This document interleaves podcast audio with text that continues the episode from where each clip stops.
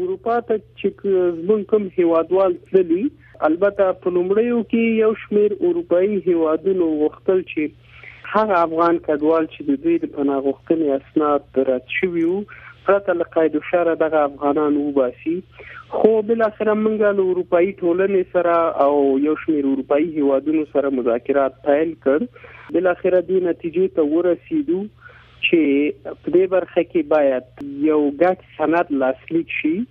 او په ګډه باید د هغه افغانانو په اړه چې د غوي د پناه غوښتنې اسناد نه دي منل شوی تصمیم ونیول شي بله کېدای شي چې د سند جزئیات د اوریدونکو سره شریک کړي چې په سند کې به څه افغان حکومت د خوانه څه په نظر کې نیول شوی دي په دغه سند باندې اوس یو تخنیکی کمیټه ټاکل شوې د افغان حکومت له لوري او همدارنګه د اروپایي ټولنې لخوا او د یو شمیر اروپایي هیوادونو لخوا البته دغه سند د بروکسل په ناسته کې نهایی کیږي د دغه سند له لاسلیک وروسته بیا تصمیم نیول کیږي چې باید څه وشي د افغانانو په اړه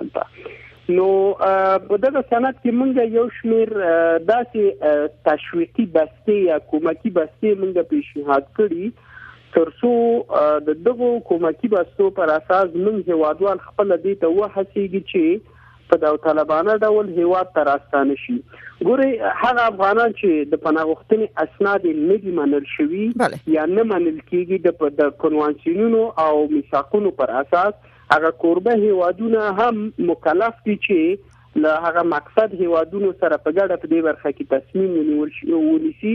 یعنی پرته د افغانستان له تفاهم پرته د نړیوالو قوانینو او کنوانسیونونو پر اساس هیڅ هیواد نشي کولای چې اتباع له خپل خاورې وباسي ها میاخیل صاحب کې د شلک واضح کوي چې هغه تشویقي بستې چې افغان حکومت د اروپا نه ماجرینو د بیرته راستنیدو لپاره په نظر کې نیولې دي ګوري اول خو دغه سند لا نه دی نهایی شوی خو په دغه سند کې هغه جزئیات موږ ځکه نشو درکولای چې دا سند لا نه دی نهایی شوی زموږ مذاکرات جریان لري خو خای په دغه کومکی بستو کې یو شمېر نقدي مرستې دي د هغو کډوالو سره چې دوی بیرته غواړي هیواد ته وګرځي او اسناد یې چې رد شوي خای په دکې له دوی سره نقدي مرستي غیر نقدي مرستي له افغان دولت سره یو شمیر مرستي نو هغه زمونږ غوښتنې ټول په دغه سند کې مشخص شوي خو جزئیات یې منګه کولای شو چې بیا دغه سند له لاسلیک وروسته تاسو ته ورکړو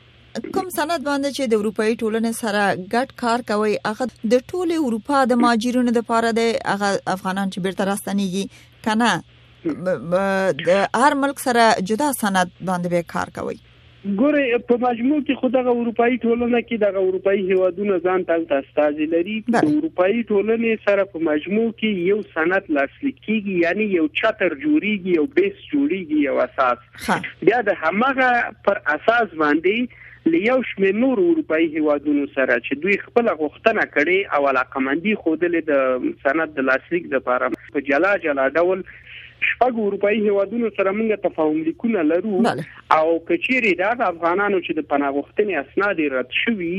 د همغه تفاهم لیکونو پر اساس موږ عمل کوو او زموږ غوښتنه هم همدغه او موږ سره موږ چې کومې ناستې درلودې موږ غوښتنې دا وې چې د همغه تفاهم لیک پر اساس باید د کډوالو پر مسایلو باندې عمل وشي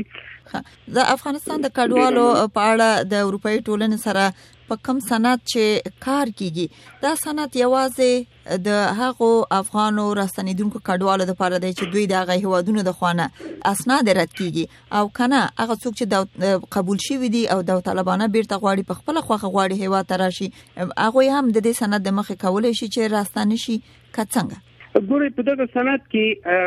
څوک چې داوطلبانه راځي څوک چې غیر داوطلبانه راځي څوک چې هلته د نن په هغه کوربه هیوادونو کې میشتي دا ټول د کډوالۍ مسایل په دغه سند کې شاملېږي خو د غیر داوطلبانه به هم د دغه تفاهم لیک په چوکات کې د دغه سند په چوکات کې وي خدا چې د غیر داوطلبانه په کوم شرایطو باندې د خلک استول کیږي دا ټول په دغه سند کې واضح شوی کراش میرشته چې په ورستیو کې څومره افغانان بیرته هیوا ته راستانه شي داسې تخمیني آمار او ارقام چې موږ سره شته خو غیر قانوني مهاجرتونو کچه راټیټه شوې د تیر کال په پرتله څو برابره دغه کچه راټیټه شوې یعنی مخکې چې هغه زموږ ځوانان هیوادوال هیواد پرېښوده اوس اوس داسې نه ده دا کچه راټیټه شوې په مجموع کې په درې څلورو میاشتو کې تقریبا په حدود د سلوير سره کسانو یوازې سلوير سره کسانو په اروپאי هیوادونو کې د پناه غوښتنه کړې په داسې حال کې چې تیر کال د نیم لکه کسانو په اروپאי هیوادونو کې د پناه غوښتنه کړې و ترڅنګ دا د راس ستنېدنې کچه لوړه شوې. له پاکستان او ایران څخه خو کچه ډېره لوړه ده، خو له اروپايي هېوادونو څخه هم دا د راستنېدنې کچه لوړه شوې. زموږ هېوادوال اوس یو ګڼ شمېر هېوادوال غواړي چې په خپله خوښه هېواد ته راستانه شي. ډېره مننه میاخېل صیب، ژوندی اوسئ. سلامت اوسئ، مخکې ته مو ښه.